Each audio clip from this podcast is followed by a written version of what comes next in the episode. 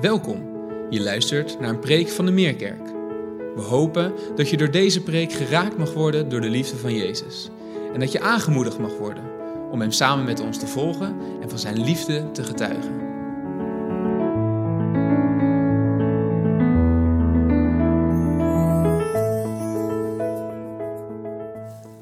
Goedemorgen.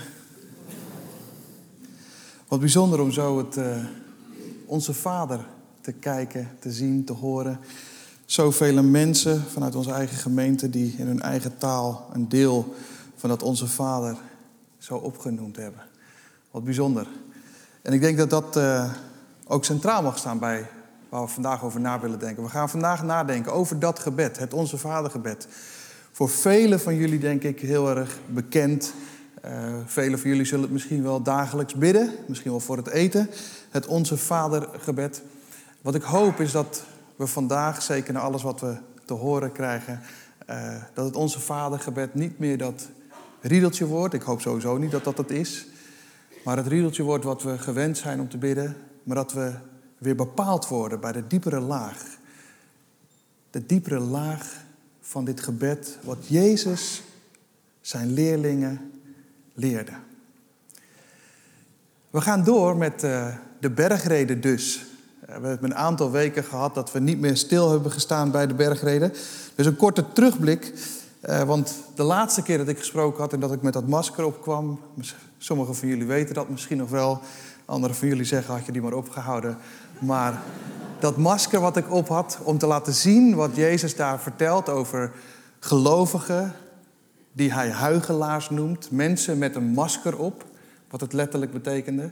Mensen die nep waren, wel meededen met alle religieuze uitingen, maar niet echt met een oprecht hart gaven, bidden of vasten.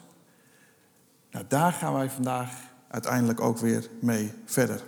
We hebben gezien dat Jezus toen de hypocriete wijze aansprak.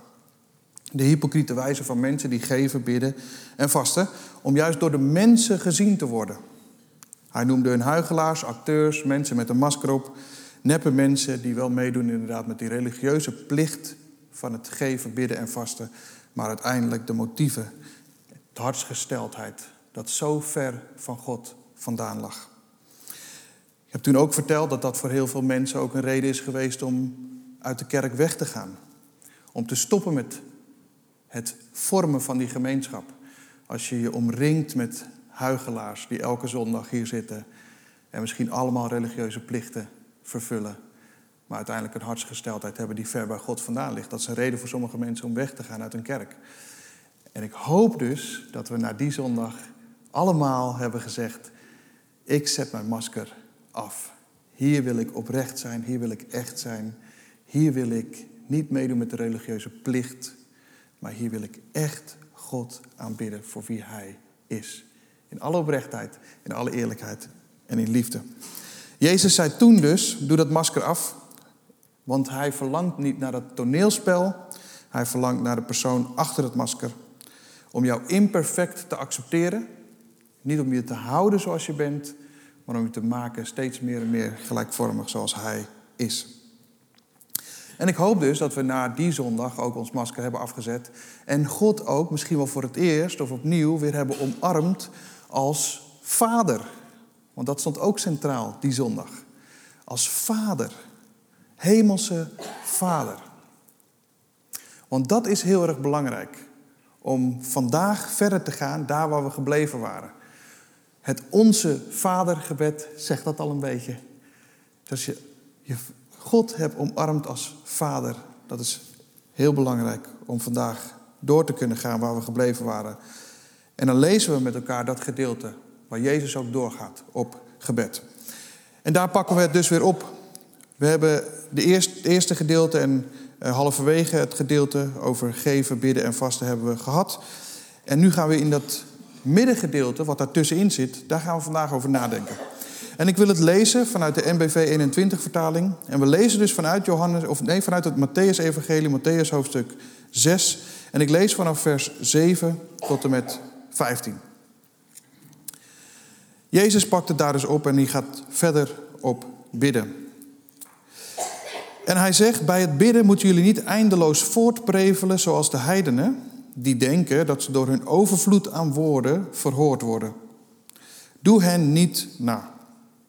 Jullie vader weet immers wat jullie nodig hebben, nog voor jullie het hem vragen. En bid daarom als volgt. Onze Vader in de hemel, laat uw naam geheiligd worden. Laat uw koninkrijk komen. Laat uw wil gedaan worden op aarde zoals in de hemel. Geef ons vandaag het brood dat wij nodig hebben. Vergeef ons onze schulden, zoals ook wij vergeven wie ons iets schuldig is. En breng ons niet in beproeving, maar red ons van het kwaad. Want aan u behoort het koningschap, de macht en de majesteit in eeuwigheid. Amen. Want, hij gaat verder, vers 14 en 15. Want als jullie anderen hun misstappen vergeven, zal jullie hemelse Vader ook jullie vergeven. Maar als jullie de anderen niet vergeeft, zal jullie Vader jullie misstappen evenmin vergeven. Tot zover. En eigenlijk wil ik dit gedeelte wat we gelezen hebben in stukjes hakken. En het doet eigenlijk tekort, om gelijk maar eventjes te zeggen, het doet eigenlijk tekort aan de diepgang van dit gebed. Maar we kunnen niet bij elke zin heel lang stilstaan. Ik zei het al tegen Johan achter voordat de dienst begon. Eigenlijk kan je bij elke zin van het Onze Vader een aparte preek houden. Nou, dat gaan we dus niet doen. dat begrijpen jullie. Maar ik wil kort wel stilstaan bij een aantal van deze zinnen. Eindeloos bidden als de heidenen. Hier, voordat het Onze Vader dus begint, het Onze Vadergebed, hier legt Jezus de basis voor de juiste interpretatie van het gebed, van het Onze Vadergebed. En dit is enorm belangrijk. Dit gedeelte is enorm belangrijk om ook het Onze Vadergebed wat meer te gaan begrijpen. Hier legt Jezus de basis voor de juiste interpretatie. Het niet eindeloos voortprevelen zoals de heidenen dat doen. Omdat ze op die manier denken dat ze wel krijgen waarvoor ze bidden. Jezus staat op het punt om zijn leerlingen uiteindelijk dan wel te leren wat dat gebed precies inhoudt. Wat dit gedeelte niet zegt, is dat je niet lang mag bidden. Dat zegt dit gedeelte niet. Het is niet verkeerd om meerdere malen hetzelfde, te vragen aan God. Sterker nog, Jezus moedigt aan om te volharden in gebed. Maar wat hij hier veroordeelt, is de oppervlakkige herhaling van woorden, die niet voortkomen uit een oprecht hart. Het gaat dus niet om de lengte van een gebed. Dat is niet wat Jezus hier veroordeelt. Daar gaat het hier dus niet om. Het gaat niet over de lengte van het gebed. Dat veroordeelt Jezus niet. Het gaat om de oprechtheid van het gebed. En je zou kunnen zeggen dat dit gebed hier alles heeft te maken met de benadering waarop wij God zoeken in gebed. Heeft onze benadering van God, en dat is ook een vraag aan ons allemaal, en inclusief mezelf, is onze benadering van God zakelijk of persoonlijk? Dat is waar Jezus hierop inzoomt. Is onze benadering van God als Hemelse Vader zakelijk of persoonlijk? Is het zakelijk? En daarbij gaat het dus vooral om wat ik en de ander te bieden heeft. Voorwaardelijk. Of is het persoonlijk? Waarbij de nadruk ligt op wie de ander is en wie ik ben. Onvoorwaardelijk. Een hele makkelijke tool om ook voor onszelf aan reflectie te doen als het gaat om ons gebed. Om zelf te onderzoeken, is mijn gebed en mijn benadering van God nou zakelijk of persoonlijk? Een hele simpele tool om dat te toetsen is misschien wel om jezelf de vraag te stellen: wat gebeurt er met me als mijn gebed niet verhoord wordt? Denk daar maar over na. Is je gebed zakelijk? Omdat je iets verwacht? Omdat je iets wil? Of is het persoonlijk? Onvoorwaardelijk. Dan start Jezus met dat gebed. En het Onze Vadergebed komt in een ander evangelie ook voor. Het Onze Vadergebed komt ook in het Lucas-evangelie voor. En daar vragen de leerlingen aan Jezus: leer ons om te bidden. In Lucas hoofdstuk 11, vers 1, daar staat dat. Leer ons bidden. Dat vragen de leerlingen aan Jezus zelf. Leer ons bidden. En ik vind dat mooi. Ik vind dat mooi om, voordat we het Onze Vadergebed een beetje gaan ontleden, om dat ook te noemen. De leerlingen hebben een verlangen om te leren bidden. Niet om te leren preken, niet om te leren muziek te maken, niet om te leren vasten, niet om te leren geven. Zij vragen aan Jezus, leer ons bidden. Velen van jullie weten dat ik op latere leeftijd persoonlijk zelf tot geloof ben gekomen en vanuit huis niks had meegekregen als het gaat om gebed, Jezus, kerk. was allemaal niet bekend bij ons. Dus ik heb toen ik tot geloof kwam, heb ik ook moeten leren bidden. Want alles was nieuw voor mij. Ik heb moeten leren bidden.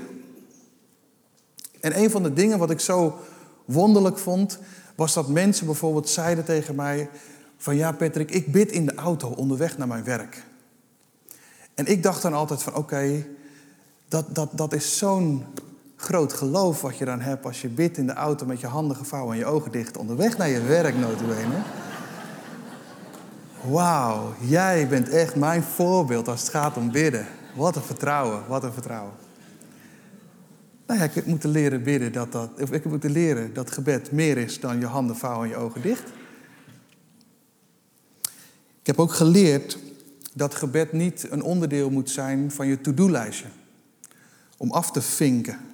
Gebed heb ik ook maar gedaan, vink. Jezus roept op, bid onophoudelijk. Kan altijd, kan overal.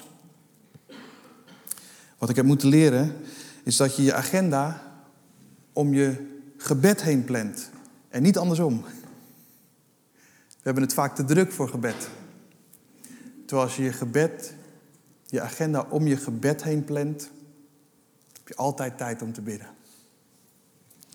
Ik moet leren dat je ook verwachtingsvol mag bidden. Dat je mag vertrouwen wie je, tot wie je bidt.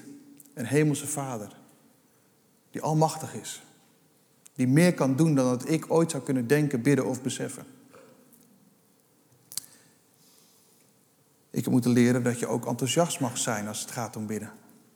Alleen het feit al dat je de schepper van hemel en aarde, dat je in zijn aanwezigheid mag zijn. Dat je in zijn aanwezigheid mag komen. Alleen dat al, als je daarbij stilstaat, alles wat je oog kan zien, als je s'nachts naar buiten kijkt. Die schepper van dat allemaal, in zijn aanwezigheid mag je komen om te bidden. Hoe bijzonder is dat? Ik hoop dat je daar enthousiast van wordt.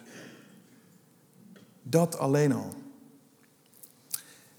En als laatste, niet als laatste van wat ik heb geleerd, maar als laatste wat ik wil noemen. Wat ik heel bijzonder heb ervaren is dat iemand mij geleerd heeft om ook eens aan God te vragen wat er in zijn hart omgaat. Ik kan je vertellen dat als je dat vraagt, zover ons menselijk lichaam, ons hart en ons verstand dat kan dragen, om te vragen wat er in zijn hart omgaat. Ik kan je, ik kan je garanderen dat je anders gaat kijken naar de wereld om je heen. Je gaat anders kijken naar de personen om je heen. Je gaat anders kijken naar wat je is toevertrouwd. Je gaat een hart en een liefde ontwikkelen voor iemand waarvan je misschien wel denkt, hmm, liever niet. Heb je wel eens aan God gevraagd wat er in zijn hart omgaat? Hou je vast dan, zou ik zeggen. En dan leert Jezus ons bidden. Het Onze Vader. En wat ik mooi vind aan het Onze Vader, is dat het niet gaat om ik en mijn, maar dat dit gebed gaat over onze en uw. Daar staat dit hele gebed vol van. Niet over ik, niet over mijn, maar over onze en uw. En het start met onze Vader. En daar wil ik gelijk maar een punt achter zetten. Onze Vader. Dat is waar het ook vaak misgaat. Ook dat heb ik genoemd een aantal weken geleden. We zitten hier allemaal met een eigen biologische vader, wat misschien wel ons beeld heeft geschetst van hoe we kijken naar een vader. Nou, dat beeld is hoe dan ook niet hetzelfde als hoe God wil zijn voor jou als vader. Voor mezelf heb ik moeten leren om afstand te nemen van het perspectief wat ik heb als ik kijk naar een vader. Ik heb letterlijk gebeden, Heer genees mij van mijn eigen persoonlijke perspectief, van het vertroebelde beeld wat ik heb als vader. Ik heb moeten leren om te kijken naar Jezus. En als Jezus zegt, wie mij heeft gezien, heeft de Vader gezien. Ik wilde Jezus leren kennen. Want alleen dat geeft mij een oprecht beeld van wie de Vader wil zijn voor mij. Als je God benadert vanuit je eigen perspectief van hoe jij jouw leven als kind van een vader hebt ervaren. Hopelijk is die goed geweest, maar ik weet dat dat in vele gevallen ook niet het geval is. Maar het is altijd vertekend. Jezus legt hier bij het Onze Vader de focus op Vader. Het gaat nog niet eens zozeer om het gebed aan zich. Als je dit niet begrijpt, dat de focus ligt bij Vader, Abba, Vader, Papa. Ik vergelijk het wel eens met het rijden in je auto. Als het gaat om waar je op gefocust bent. Als je in je auto rijdt, dan ben je niet gefocust op je ruitenwisser. Denk ik. Stel jezelf voor dat je dat zou doen. Dat je je auto in zou stappen, je rijdt van A naar B en het enige wat je doet is je blind staren op de ruitenwisser. Ja, dat gaat niet goed. Terwijl is de ruitenwisser belangrijk? 100%. Je auto wordt afgekeurd als er geen ruitenwisser op zit. 100%. Je ruitenwisser is zo belangrijk. Waarom? Omdat het helpt om te kunnen focussen daar waar je op gefocust moet zijn. De weg. Dat is wat Jezus hier laat zien. Het focus moet zijn, moet liggen op de Vader. En dan is het gebed heel belangrijk, essentieel. Focus ligt op de Vader. Uw naam wordt geheiligd. Het feit dat God een naam heeft, maakt hem persoonlijk, maakt hem een persoon. Dat hij heilig is, maakt dat hij ook apart gezet is. Soms kunnen we ons blind staren op de liefde en dan missen we de heiligheid. En andersom kunnen we ook doen. Soms kunnen we ons blind staren op de heiligheid en dan missen we de liefde. Maar God is dus een persoonlijke, liefdevolle Vader die tegelijkertijd heilig is en rechtvaardig. Ik denk dat we als kerk, als christenen, als gemeenschap, dat dat de grootste nood is van de kerk. De grootste nood van de kerk in Nederland, laat ik het maar gewoon hier in Nederland houden. De grootste nood van de kerk in Nederland is niet naar professionals die ons leren hoe je de kerk moet innoveren en hoe je dat allemaal moet profileren. Dat is niet de grootste nood van de kerk. De grootste nood van de kerk in Nederland is een opgefrist perspectief van de grootheid en heiligheid van wie God is. Want alleen dat brengt ons op de knieën in gebed, in verootmoediging. En ik denk dat zeker naarmate ik wat langer in de kerk werk en voorgangers spreek, dat het daar ook vaak mist. Jaren geleden heb ik een keer een afspraak gehad in de kerk en dat was met een aantal jongere werkers van een andere kerk. En die wilden weten hoe wij onze kerk invulling gaven, over hoe wij onze kerk zijn invulling gaven. En we deelden veel met elkaar.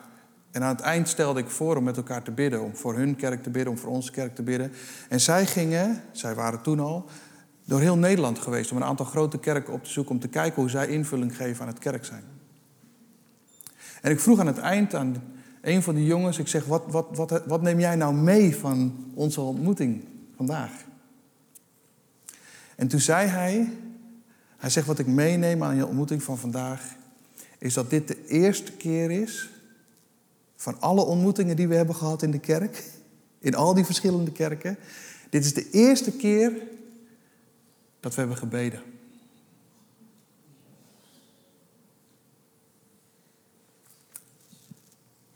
Het gaat niet om de innovatie en hoe je je als kerk moet profileren en hoe je je kerk vol krijgt.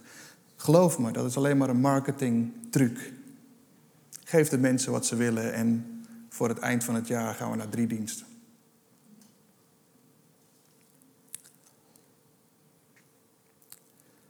Maar hebben zij dan ook dat opgefriste perspectief van de grootheid en heiligheid van wie God is?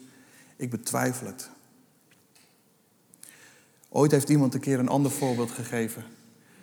Die zei van, weet je, als je in een stadion staat met allemaal mensen en je nodigt de beste worship band uit, je nodigt de beste, meest sexy spreker uit, die je motiveert en die je bemoedigt.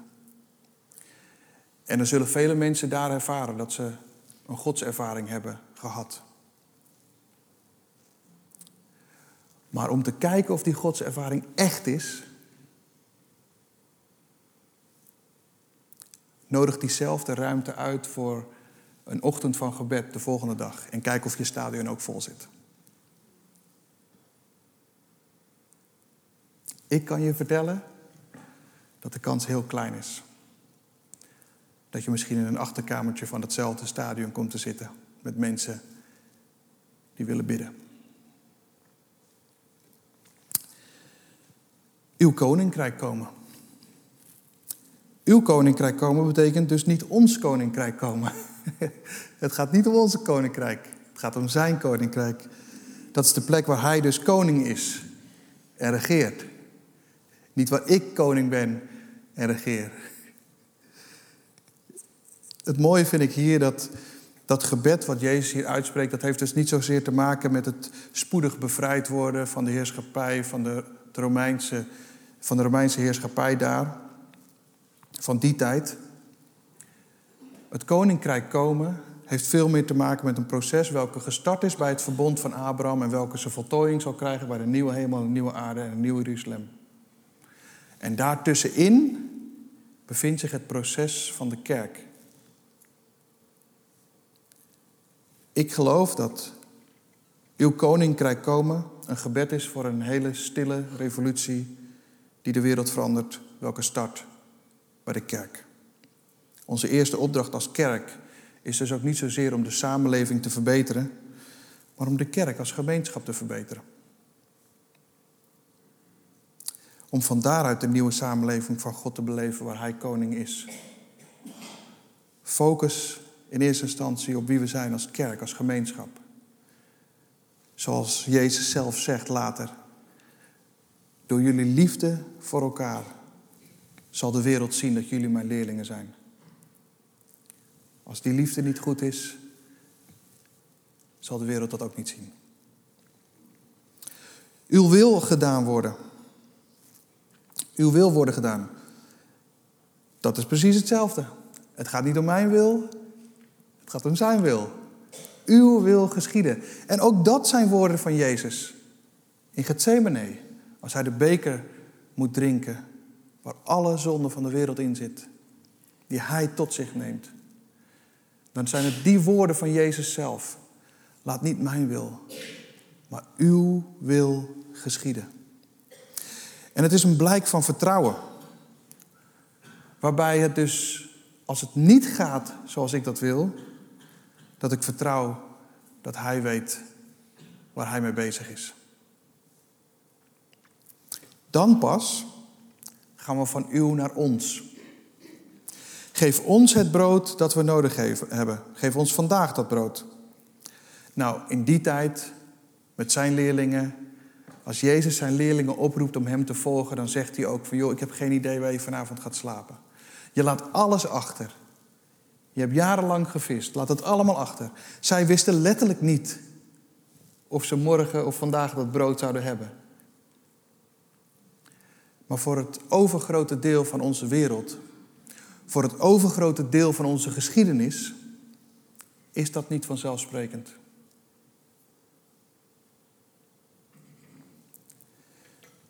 Dit gedeelte laat zien. Geef ons vandaag niet wat we willen, maar geef ons vandaag wat we nodig hebben. Ik hoop dat het ons gebed verandert.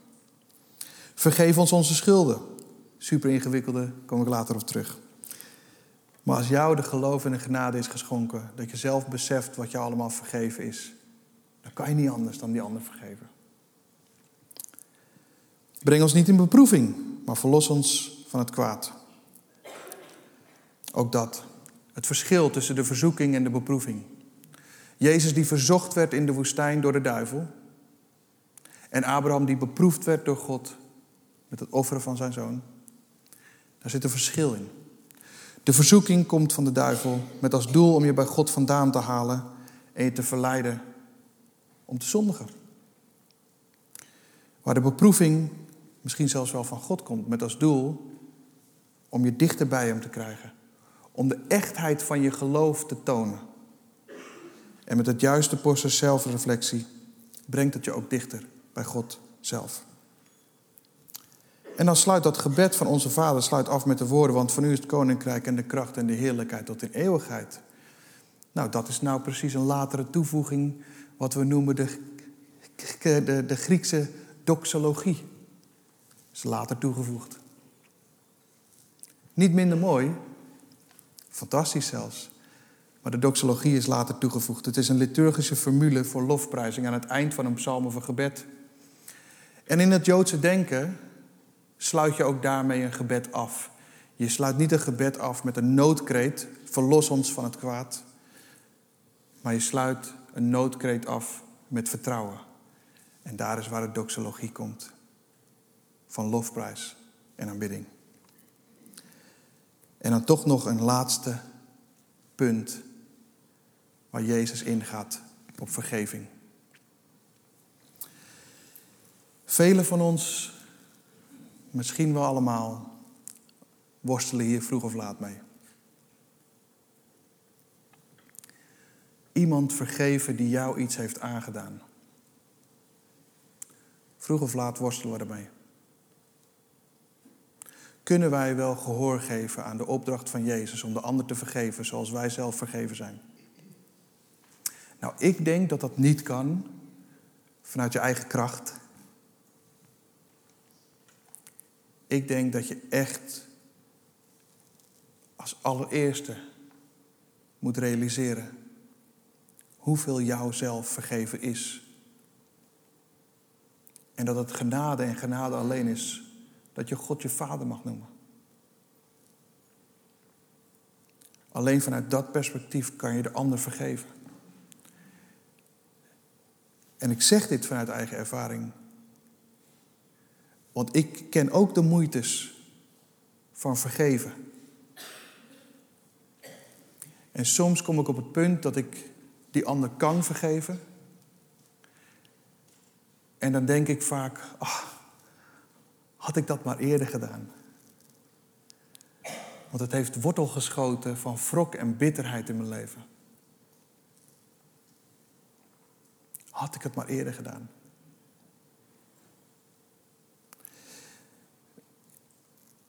Vergeving is iets heel moois. Het heelt namelijk je eigen hart. Het herstelt je eigen hart. Ik denk dat als je leert om te vergeven, dat je merkt hoe het je eigen hart geneest. Wat ik heel mooi zou vinden. En wat ik maar bij jullie ook wil neerleggen. Hoe mooi zou het zijn dat alle stenen die we hier hebben om het kruis heen, dat zijn stenen waar onze eigen naam op staat misschien wel. Dat zijn stenen waar de namen op staan van onze geliefdes, voor wie we bidden, van wie we hopen dat zij ooit die Jezus Christus ook zelf als persoonlijke redder en verlosser mogen omarmen. Hoe mooi zou het zijn? Hoe mooi zou het zijn dat we zelfs een steen bij het kruis durven leggen van de persoon die we niet kunnen vergeven. Wat als we dat zouden kunnen? Een steen pakken en de naam opschrijven van de persoon die zoveel wrok, woede en bitterheid met zich meebrengt, als je er alleen maar aan denkt al. Wat als je die naam op een steen kan leggen en bij het kruis kan brengen?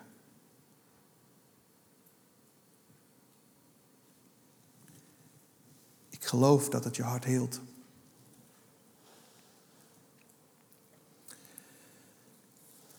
Om deze preek af te sluiten, moeten we starten met de allereerste, meest belangrijke vraag die we onszelf kunnen stellen.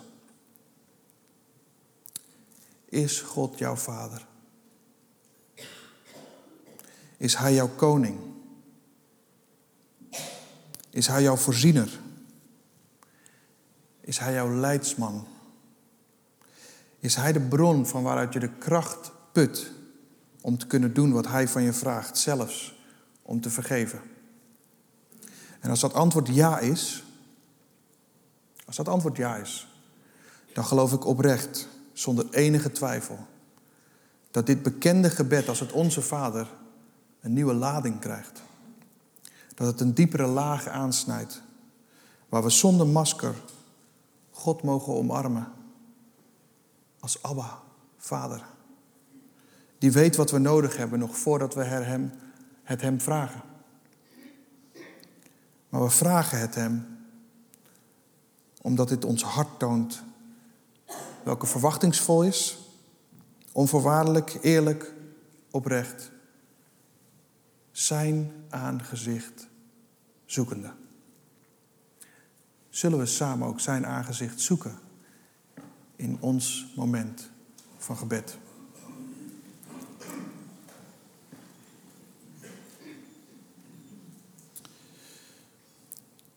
Vader, u bent goed, u bent heilig, u bent liefde. Wij aanbidden u Heer, en we willen niet tekort doen aan deze prachtige woorden waar u uw leerlingen heeft geleerd om te bidden. We zouden hier zoveel langer over kunnen doorpraten en doordenken. Maar we willen bidden, Heer, dat datgene wat we met elkaar gedeeld hebben, dat het mag landen in ons hart. Dat als we nee hebben kunnen zeggen op deze vraag, dat u onze Vader nog niet bent, dat we daar misschien wel vandaag ja op kunnen zeggen. Dat we vanuit geloof en genade in U, Jezus Christus, een kind van God mogen worden.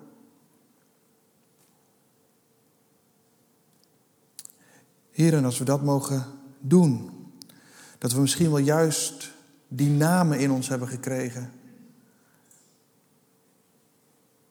die ons iets schuldig zijn, die ons iets hebben aangedaan. Heer, en als we dan zo worstelen met dit gedeelte waarin u oproept om te vergeven, dan wil ik bidden dat dat is niet uit eigen kracht, maar door de kracht van uw geest, vanuit dat vernieuwde perspectief van uw grootheid en heiligheid. Dat dat ons op de knieën brengt. En misschien wel straks bij het kruis. Om van u en u alleen datgene te verwachten. Wat wij niet kunnen. En daarom willen we straks ook zingen. Zingen dat u onze Vader bent. Dat we u mogen aanbidden. En dat als we u hebben omarmd als Vader. Als we u aanbidden. dan mogen we weten dat de vrede zal heersen in ons hart. Daar willen we voor bidden. Daar willen we verwachtingsvol naar uitzien. En ook zo, als we dat lied zingen, dat u dat doet in ons hart. De vrede die ons verstand te boven gaat, dat die onze harten en gedachten zullen bewaren in Christus Jezus. Amen. Fijn dat je hebt geluisterd. Voor meer informatie ga naar www.meerkerk.nl.